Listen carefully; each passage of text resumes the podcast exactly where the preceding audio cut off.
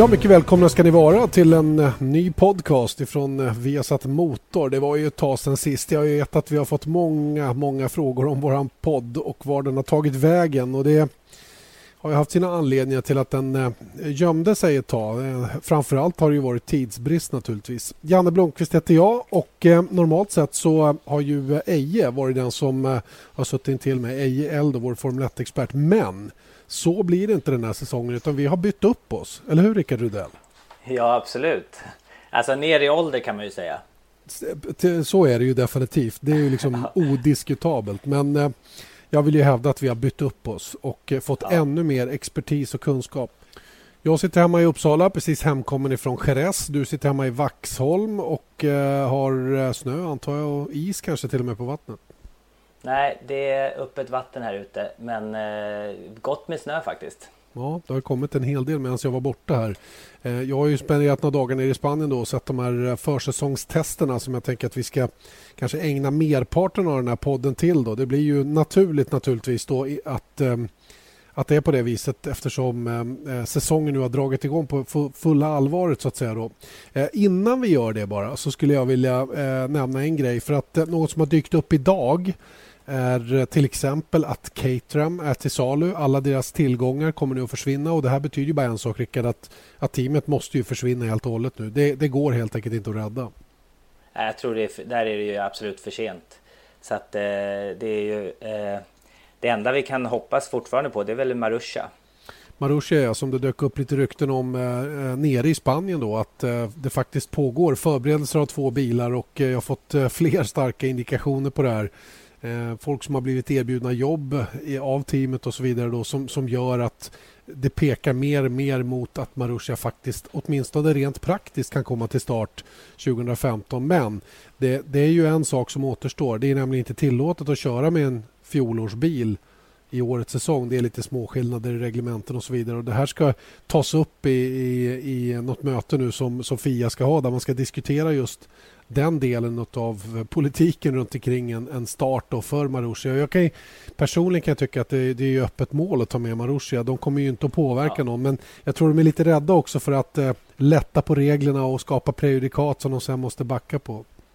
Ja, sen är det, klart, det är klart att vi behöver 10 team i, i Formel 1. Så är det ju. Minst 20 bilar. Kanske helst eh, skulle man ju vilja se ännu fler. Sen, sen är det klart att om Marusha kommer in och kör som tionde team så, eh, så tar ju det eh, pengar från de andra teamen från resultaten från förra året. Så är det ju. Mm.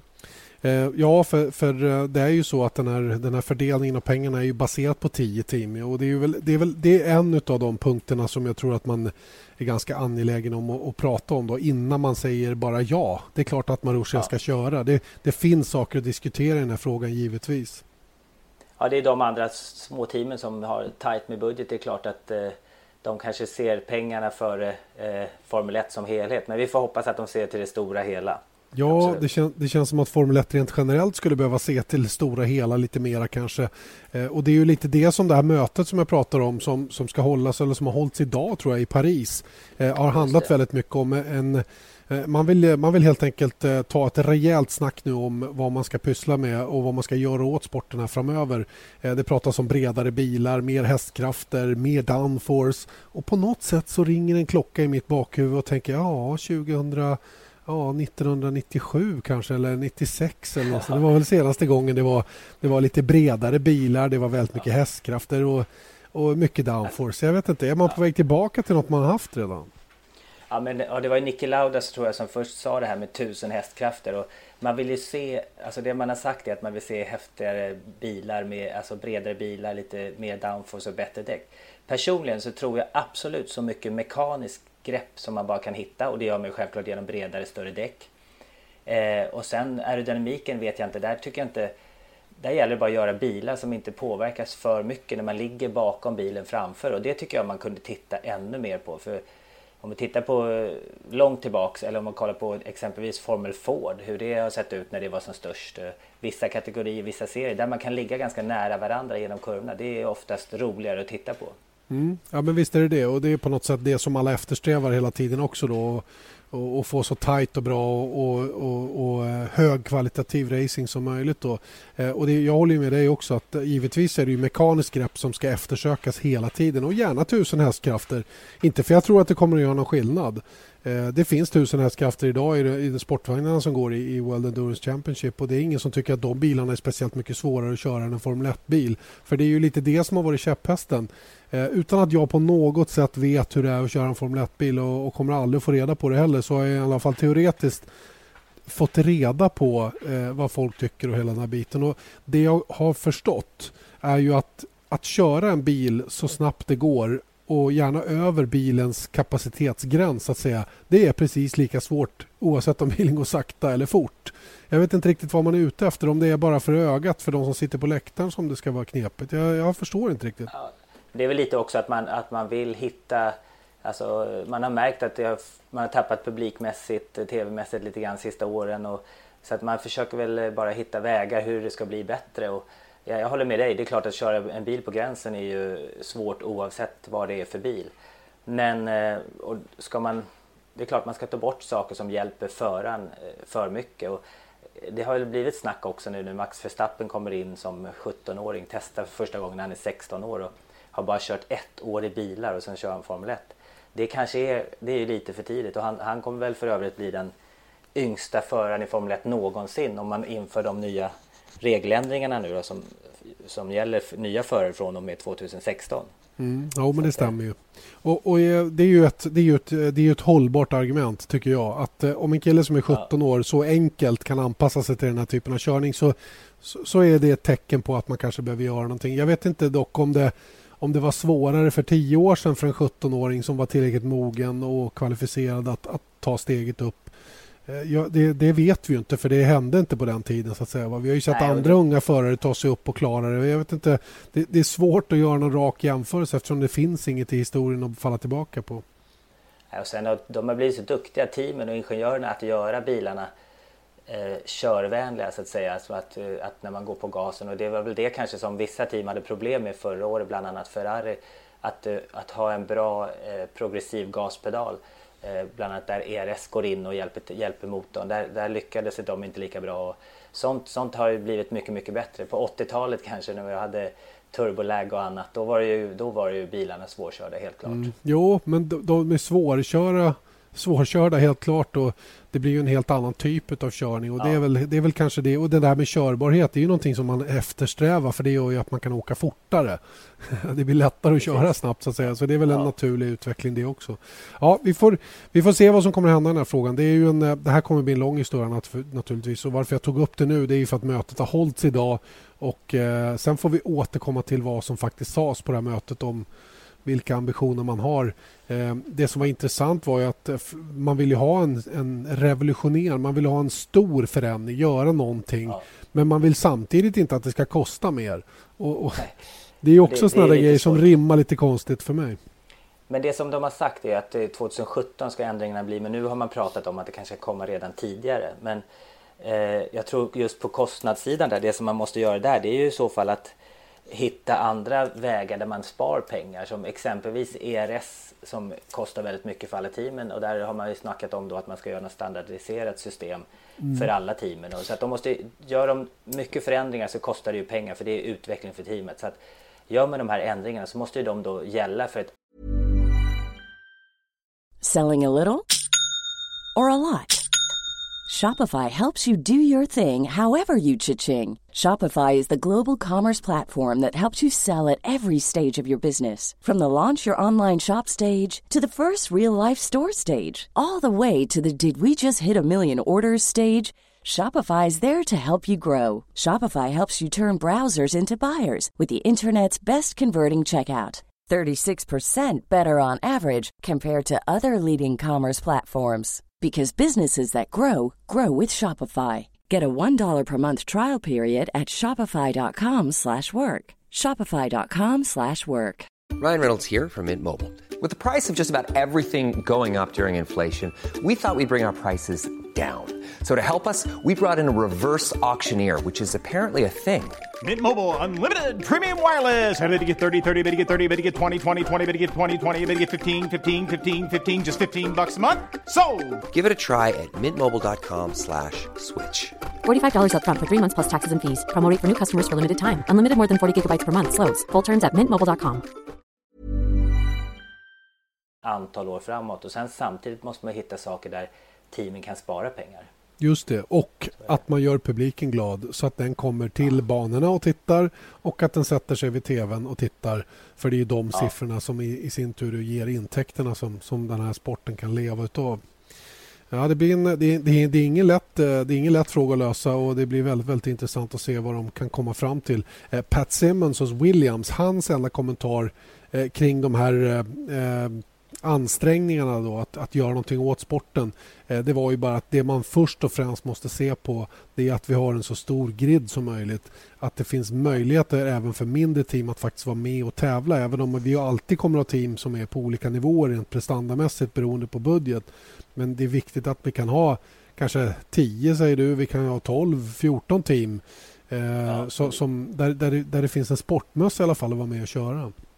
Det är därför som just de här regeländringarna får ju inte göra att det blir dyrare och det är ett eller två team till som faller av. Då, då, har man ju, då är man ute och cyklar lite grann. Så att, Då- precis, det viktigaste är att ha med sig antal team, det tror jag också på verkligen. Absolut. Vi lämnar den här frågan för tillfället då och eh, återkommer till den lite längre fram. Eh, intressantare då att eh, fokusera lite grann på det som jag har varit ner och tittat på eller i alla fall försökt att se så mycket utav. Jag ska ärligt talat säga att man ser inte jättemycket inifrån mediacentret där jag har hållit till mest hela tiden då. Eh, men men eh, lite stunder har man varit ute på banan i alla fall och eh, och eh, min analys är inte mer annorlunda än någon annans. Eh, det är ju eh, helt klart så att de, de förväntade favoriterna är med där framme till viss del i alla fall. Och om, om vi gör så att vi, vi försöker rangordna dem lite. Om jag rangordnar så får du säga ja eller nej. Men, Ja. men eh, utifrån vad jag har sett så, så är Mercedes utan tvekan teamet som, som har bäst koll på läget. Jag tror aldrig jag har sett en bil som har tagit så stora steg från fjolåret till i år köras på ett så oprovocerat sätt och ändå få de varvtiderna som man gör. Eh, Det säger mig att det finns enorma marginaler där fortfarande. Alltså Merca är ju helt klart fortfarande favoriter till 2015. Så är det ju.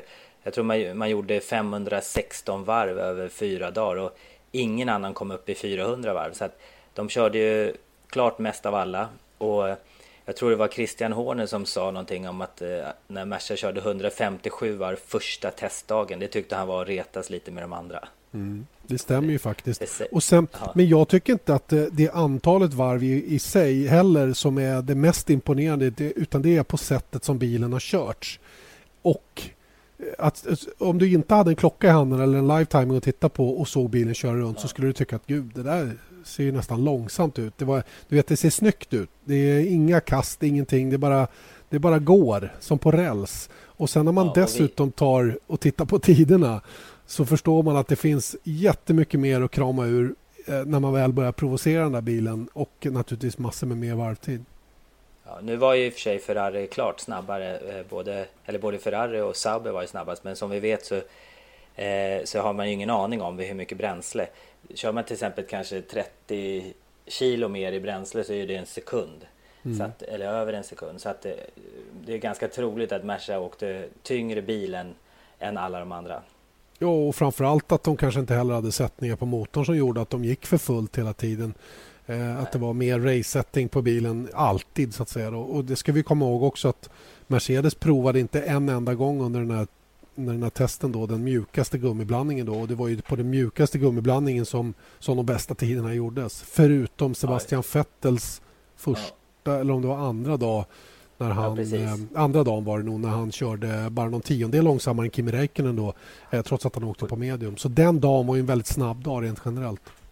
Det måste man faktiskt säga var kanske det mest eh, imponerande den veckan faktiskt. Sebastian Vettels tid på mediumdäck.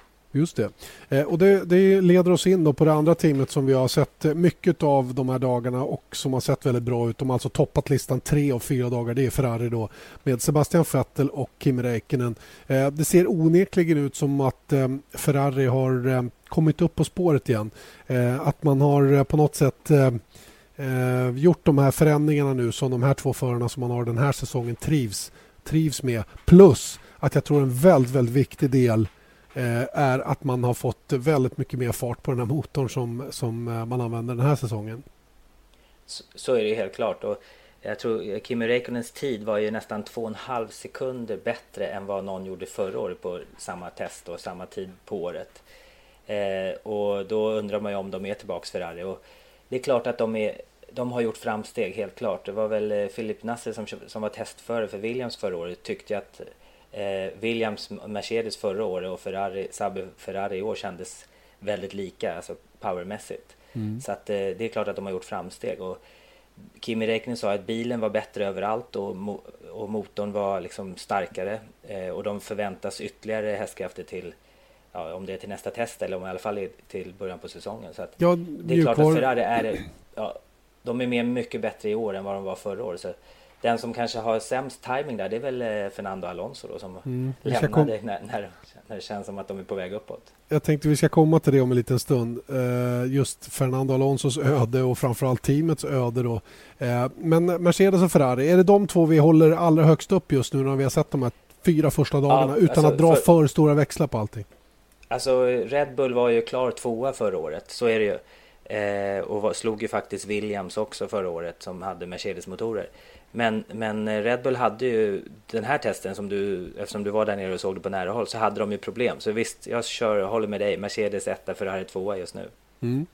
Eh, och eh, då kommer vi då eh, neråt i listan och eh, jag ehm, bedömer nog fortfarande att Williams är eh, team nummer tre, åtminstone som det ser ut just nu. Vi, vi, du, du, har redan berört Red Bull som naturligtvis inte går att räkna bort och jag tror att Red Bull, bara den där power uniten som Renault har fungerar som den ska, då kommer även Red Bull. För chassit, på chassisidan så har de ju aldrig ja. haft några svagheter egentligen. Utan det är ju på motorsidan förra året som, som, eh, som Red Bull hade jätteproblem. Så jag, de är ju där också naturligtvis. Va? Men utifrån det vi har sett de här dagarna så känns det som att Williams också har en, en bra bas att stå på inför kommande säsong.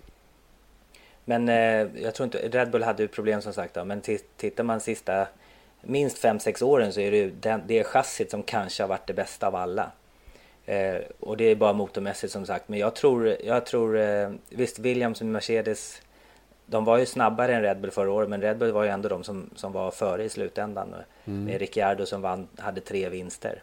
Så att, eh, jag, just... om du kör Williams trea kör jag Red Bull trea. Okej, okay, och så, så får vi slåss om det helt enkelt. Ja, exakt. Eh, det, det, kommer bli tufft. Jag tror kanske till och med att Red Bull kan vara ännu högre upp än trea eh, ja. när, när allting funkar som det ska. Men det ingår ju på något sätt också att allting ska funka som det ska och gör inte det, ja då blir man ju naturligt, naturligt eh, lite längre ner i listan då. Okej, okay, då har vi Mercedes, Ferrari, Williams och Red Bull som, som är med där uppe. De är förväntade toppteam. Eh, då har vi, det säger vi åtta platser på griden då så långt. Eh, ett annat team som innan säsongen då sades eh, man skulle hålla utkik för och som egentligen har samma problem som Red Bull det är ju självklart då McLaren Honda.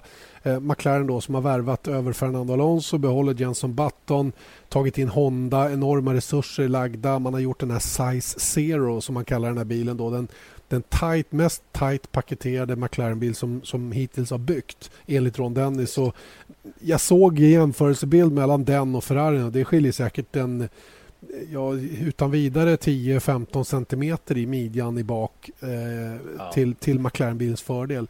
Eh, och eh, det, när allt sånt, eh, allt sånt är nog gott och väl. Bilen är nog bra även i det här fallet. Va? Men återigen då så, så handlar det om att man ska ha en power unit som fungerar och det har den ju sannerligen inte gjort för, för Honda så här långt.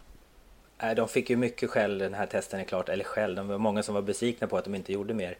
Eh, jag tror de, bara, de gjorde 79 varv då medan Smash gjorde över 500 varv. Mm. Och de kom bara 12 varv första två dagarna. Men om man, kommer om man tittar tillbaka ett år, förra året, för ett år sedan så var det ju faktiskt nästan samma sak för ganska många team. Eh, Exakt. Var... Hej, jag Ryan Reynolds. Recently, I asked Mint Mobiles legal team if big wireless companies are allowed to raise prices due to inflation. They said yes. And then when I asked if raising prices technically violates those onerous two-year contracts, they said, what the f*** are you talking about, you insane Hollywood ass?" So to recap, we're cutting the price of Mint Unlimited from $30 a month to just $15 a month. Give it a try at mintmobile.com slash switch. $45 upfront for three months plus taxes and fees. Promo rate for new customers for limited time. Unlimited more than 40 gigabytes per month. Slows. Full terms at mintmobile.com. De som var bäst för ett år sedan, men de andra hade ju problem allihopa kan man säga. Så att eh, det är inte lätt eh, med det här med ERS, eh, nya motor, det här motorreglementet. Honda kanske, alltså de skulle ju helst ha varit igång och testat tidigare tycker man. Eh, Men eh, så att det, det kommer nog ta tid, men man vet nog inte riktigt var de kan hamna. Och det är som du säger, bilen ser bra ut, men är den snabb nog? Det vet man inte. Den var ju inte, den var ju inte speciellt snabbt, snabb rakt fram. Men då sa Nej. de själva att de inte har kört riktigt med full Nej. effekt heller. Så, att, De- de så vi, haft- man kan nog inte värdera vad de är, McLaren Honda. Det är, för, det är för tidigt att säga. Chassimässigt vet vi ingenting. Vi, vi kan Nej. bara utgå ifrån, och de säger ju det själva ganska, ganska frankt idag, att de är inte ett dugg oroliga för själva bilen så. Utan det är ju det faktum att Power Unit inte har fungerat och, och de, de litar på sina siffror så att säga. Och, det, och jag tror det, det finns nog ingen anledning att misstro det på något sätt. Den är säkert fantastiskt bra. Och eh, så fort att Honda klickar i så att säga och det börjar lira. Problemet som jag ser det och det är ju det som Red Bull också har och jag tror är anledningen till att Red Bull hade problem den här testen med tekniken är ju återigen den här tajta paketeringen. Någonstans offrar man ju någonting genom att dra in bilen så där mycket som man gör. Kylning, det är 40 olika databoxar som alla ska ha kylning i de här bilarna. Eh, är minsta lilla som inte fungerar. Bara en av de här 40 slutar fungera och då får du ju en kedjereaktion. Eh, och, och det, det är liksom det är alla de här bitarna. Det är så oerhört komplicerat och svårt för dem att dels ta reda på vad det är. Jag vet att de hade en, eh, en vattenpumpsrelaterad historia i, i McLaren-bilen. Så pratade jag med en av killarna där nere och sa att ja, problemet är att vi måste ta bort hela power uniten för att komma åt den här grejen. Ja. Eh, Och, och bara, ja, och bara sådana saker va, gör ju att eh, Eh, å andra sidan hade Renault, de hade någon liten, eh, det var någon axel som kostade eh, 10 spänn typ som hade gått sönder. Så, som var ett skitfel för deras del och som gjorde att de hade problem med kylningen utav ERS också då, eller någon vatten... Ja, jag kan inte de här detaljerna för jag vet Ja. inte hur det ser ut helt enkelt. Va? Men små, små, små saker som får väldigt stora konsekvenser i alla fall. Och det är väl det tror jag vi har sett hos Honda eh, hittills då. För jag är helt övertygad om att bara det sprattlar igång så kommer det gå utav bara 17. Och därför så Ja. håller jag nog... Det går liksom inte att räkna bort dem. Va? Se på vändningen som Red Bull gjorde förra året, eller hur? Ja, precis. Sen var Alonso faktiskt ganska nära eh, Nico Rosberg när det var regn i blött. Så att eh, då var de ju med hyfsat bra ett tag där när de var ute samtidigt tydligen. Och, eh, Ja. Så att det, det är svårt att säga, men det är klart att de inte kommer vara med i början på säsongen, det tror jag inte. Nej. Har vi där de fem, fem första teamen på Ja. vår lista. Det innebär att vi har som på plats i då, tre kvar. och då börjar vi komma ner på, på Sverige-nivå så att säga då. Eh, Sauber eh, påstår Autosport är de enda som har visat sina kort. Håller du med om det? Tror du att det var det de gjorde? Var, Ja, var, de, alltså, de- var de det- aggressiva så att säga när det gäller varvtider och sättning? Ja, tittar, man, tittar man tillbaks på tidigare tester och vintertester så brukar det ju faktiskt vara de lite sämre teamen som man säger som vill visa upp sig för sponsorer och annat. De kanske, de kanske sitter med lite kontrakt som är fortfarande inte skrivna och hoppas få, få till allt inför året. Och, så att ofta är det ju, de har ju liksom mer att vinna på än vad kanske Mercedes och andra team har att, att visa sin fart. Men du, då Och, skulle jag eh, vilja fråga dig en sak. Ehm, I min värld, i den kommersiella världen, när det handlar om så stora pengar som man då skulle kunna få fram genom att så kallat showboata bilen, alltså köra den väldigt eh, smickrande snabb så att säga då. De som är tänkbara investerare, de är inte dummare än att de har gjort tillräckligt mycket research för att veta varför det ser ut som det gör och eh, alla de här bit- De har ju naturligtvis insight som, som precis som du och jag har om vi skulle vilja eh, för att ta reda på varför det går fort eller inte fort. Jag menar, sådana enkla trick, håller man verkligen på med det? Ja men alltså om man tittar, jag tror helt klart så lyfter det liksom eh, för dem i teamet, alla tycker det är roligare, alltså för, för, för att boosta alla runt omkring, sponsorer, mekaniker, alla så är det väl klart att visa att man, att man är snabb och som förare så vill man ju gärna Oavsett om man ska köra igenom ett testprogram och göra alla de saker man ska göra så vill man ju självklart bara bevisa för sig själv någonstans att ja, var man är någonstans. Man, man vill liksom ha en, ett kvitto på det. Och Sen vet självklart vet ju alla som är insatta av vilka vikter man kör och inte kör. Och nu säger ju i och för sig Saber, har ju både Marcus och de sagt att de körde inte helt jättelätta för att liksom göra bästa, bästa tiden. Så att det finns säkert mer kvar att hämta där. Sen det framsteget Sauber förra året var ju faktiskt första året någonsin som de inte tog poäng sedan de började 93. Mm. Så att de hade ju en jättedålig säsong förra året, 2014. Och då känns det väl som att, eh, att man gärna vill visa att vi är tillbaka. Och motorn, Ferrarin är klart bättre då, då i år och de, de, jag tror att de känner väldigt, väldigt positivt på den här säsongen. Mm. Ja, det kanske är så, det kanske är så att det finns ett, ett visst uns av sanning i det här. Helt klart är det så att Sauber kommer inte att vara tvåa den här säsongen och vara näst snabbaste bil. Det kan ju alla vara överens om. Men jag tycker att äh, ja, tecknen var goda i alla fall och, och, feedbacken från förarna verkar ju också positiv i det avseendet. Balansen verkar hygglig i bilen och, och som sagt att Ferrari-motorn då är, är konkurrenskraftig ja. så här långt. Då. Äh, men, men jag ratear i alla fall Sauber utanför topp 10 just nu. Eh, eller i alla fall men... på en chans till topp 10 i ett, i ett fingerat kval nu då. Men det kanske var så att de tog sig förbi både Lotus och eh, Toro Rosso. Mm. Eh, alltså, eller har tagit sig förbi både Lotus och Toro Rosso över vintern. Det är inte alls omöjligt. Det, och det vore väl jätte, jättekul. För då, då luktar det ju faktiskt eh, lite poäng, poängchans för eh, Marcus del. Absolut, och för Felipe Nasser. De är ju eh, väldigt snabba bägge två de här pojkarna. Visade sig ju. Nasser var ju till och med lite snabbare än Marcus under just den här testen då. Vilket ja, naturligtvis gnager i en förare. Hur viktigt är det när man är ute och testar ja, det, direkt här, kör, den interna kampen så att säga? Nu kör man ju olika dagar och man vet inte exakt eh, vad de har gjort för respektive program. Men det är klart att båda har fått en chans på ungefär lika förutsättningar. Det får man ju för, förutsätta att, de har, att teamet har gett dem. Och, eh, att Nasser var, var snabbast var ju grymt bra. Båda har samma bakgrund eh, kan man säga, även fast Marcus har ett år då i med Caterham förra mm. året. Båda har vunnit Formel 3-mästerskap. Nasse vann ju engelska Formel 3. Just det. Och Marcus i Japan. Eh, och så vann han ju även race i England, Marcus faktiskt. Just det. Eh, och båda har ju vunnit race i GP2 och kört flera säsonger i GP2. Så att de är, har ju ganska lik bakgrund måste man säga. Men mm. ingen av dem har ju vunnit eh, mer än Formel 3 om man säger. Men jag, men jag tror, Ja, Marcus vann ju BMW i England då, men det är ju länge sedan. Men, ja. men bortsett från det så också, ja, ja, men då, är de ju, då är de ju extremt eh, lika bakgrundsmässigt på det viset. Ja. Och det ska bli kul det, att jämföra dem faktiskt under året. Absolut, och det är klart att för, för Marcus del som är inne i sin andra säsong så är det ganska viktigt att kanske ta kommandot och försöka vara, bli lite försteförare. Men det är klart att de kommer ha båda ungefär, eller kommer ha samma förutsättningar i teamet, det tror jag. Och det är väl först eh, efter några race in på säsongen när man, kan, när man kan säga och se vem det är som levererar. Men det känns som att båda gjorde ju ett kanonjobb den här första testen. Så mm. hur, hur skaffar man sig det här lilla extra övertaget, det mentala övertaget, det här lilla, lilla extra goa som man vill ha hos, hos teamet att knuffa just mig framför den andra och så vidare. Hur, hur gör man det? För det är lite trixigt ändå. Det kan alltså, ju vara sådana små grejer som ja. skiljer till slut det är klart att det är varvtiderna som, och, och placeringen i racet som avgör i, till, i slutändan. Men, men även att eh, få teamet och meckar och ingenjörer och alla och, och liksom vilja jobba för en själv till 100% det är en jättestor, det är, det är ett stort ansvar som ligger på föraren. Att, att man kan till och med däcksmekanikern som eh, tvättar däcken och skrapar fälgar, att han känner det lika viktigt att det går bra för en själv som man själv gör. Om man kan nå det, man kan få alla att känna den här tillhörigheten och att det, jag bidrar till resultatet. Då, då har man större chans att lyckas. Så är det. För då, då det, blir det inte misstag av en tredje meck som håller på med någon, någonting på sidepodden eller något sånt där. Utan att alla är lika noga och viktiga. Och det, där, det är förarens uppgift, förutom att köra bilen, att motivera de andra att, mm. eh, att göra bra. Och det tänkte jag faktiskt på när jag läste någonting där om eh, Alonso och McLaren att han, han är otroligt motiverad vare sig han sitter i simulatorn eller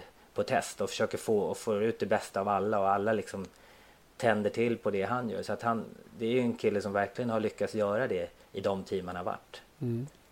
Ja, det, kul. Det, det, här är jätteintressant. Jätte, jätteintressant. För jag tror att det här kan bli oerhört avgörande. Och eh, Eh, något annat än, än, än, att ha målsättningen att vara snabbare än Nasser i år, det kan ju Marcus Eriksson inte ha naturligtvis. Och de, precis som du säger tror jag kommer att få eh, perfekt likvärdiga förutsättningar. Det jag tycker är talande också när man, när man är i närma Sa Sauber. Sauber är ett team som jag aldrig har varit nära överhuvudtaget tidigare om åren. Jag har inte haft någon relation till teamet på det sättet det är ju att det är ordning och reda. Eh, här trampar man inte in i några garage hur som helst. och, och eh, man, man, liksom, man får närma sig med respekt på något sätt. Va? Och Det märks också att det är, det är en helt annan ordning och struktur inne i teamet. Och det som är på plussidan, då, inte bara för Marcus utan även för Nasser, det är ju att de båda två får en väldigt, väldigt fin plattform att stå på med så mycket varv redan första testen.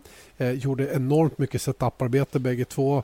Eh, provade olika rake-inställningar, vingar, ja, allt. Och det där var ju sånt som, som inte fanns på kartan i Caterham förra året för Marcus och som Nasser aldrig har varit med om tidigare. Så eh, det gör ju att man, eh, man eh, det känns gott med, med Sauber rent generellt i det avseendet också.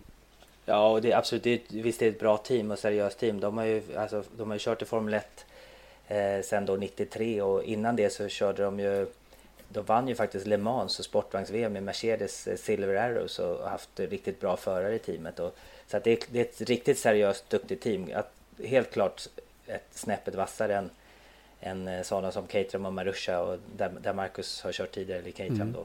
Och ett, det... ett, team, ett team som en bra dag kan vara på pallen så sent som för två ja. år sedan. Och Det är också sånt som vi kan komma ihåg i alla fall när vi försiktigt blir lite mer optimistiska efter de här första fyra dagarna. Men som sagt, det är bara de första fyra dagarna som är körda än så länge. Men för närvarande så ratear jag dem främst av de som ligger utanför topp 10. Då. Eh, och sen eh, tycker jag faktiskt att eh, att eh, det är lite, det är lite eh, målfoto mellan Toro Rosso och, Lotus. Toro Rosso väljer lite före just nu för att de fick fler varv gjorda. Akilleshälen för, för Toro Rosso är ju Renault. Renault, ja. Renault-motorn är eh, fortfarande ett osäkert kort. Lotus har gått från Renault till Mercedes vilket båda förarna bara jublar åt för närvarande. Och jag tror också att, att Eh, man har fått till en, en skapligt bra bil eh, trots att man har ont om pengar. För det har verkligen Lotus eh, fortfarande. Ja. Det ser stabilt, hyggligt stabilt ut men de har också, precis som vi har hört Force India ha, eh, knapert i kassan. Och eh, det, blir, eh, det blir spännande att se när utvecklingsracet börjar under säsongen när alla uppdateringar ska komma fram. Jag tror säkert att det finns plan för Eh, Eh, kanske två, tre uppdateringar under året men de ska fram också och det ska finnas resurser att genomföra.